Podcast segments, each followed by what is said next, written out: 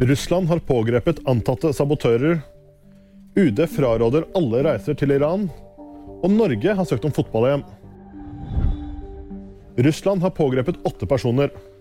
Fem russere og tre ukrainere og armenere skal være arrestert for å ha planlagt angrepet på Krimbrua, som Russland anklager Ukraina for å stå bak. Den russiske sikkerhetstjenesten hevder de har identifisert totalt tolv personer som skal ha deltatt i forberedelsene.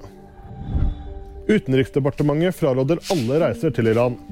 UD begrunner det med sikkerhetssituasjonen i landet, og sier de ikke er trygge på at norske myndigheter vil bli varslet dersom en nordmann skulle bli fengslet.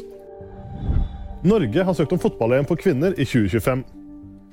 Norges Fotballforbund har levert inn søknad sammen med Sverige, Danmark og Finland. Oslo og Trondheim vil være vertsbyer for mesterskapet.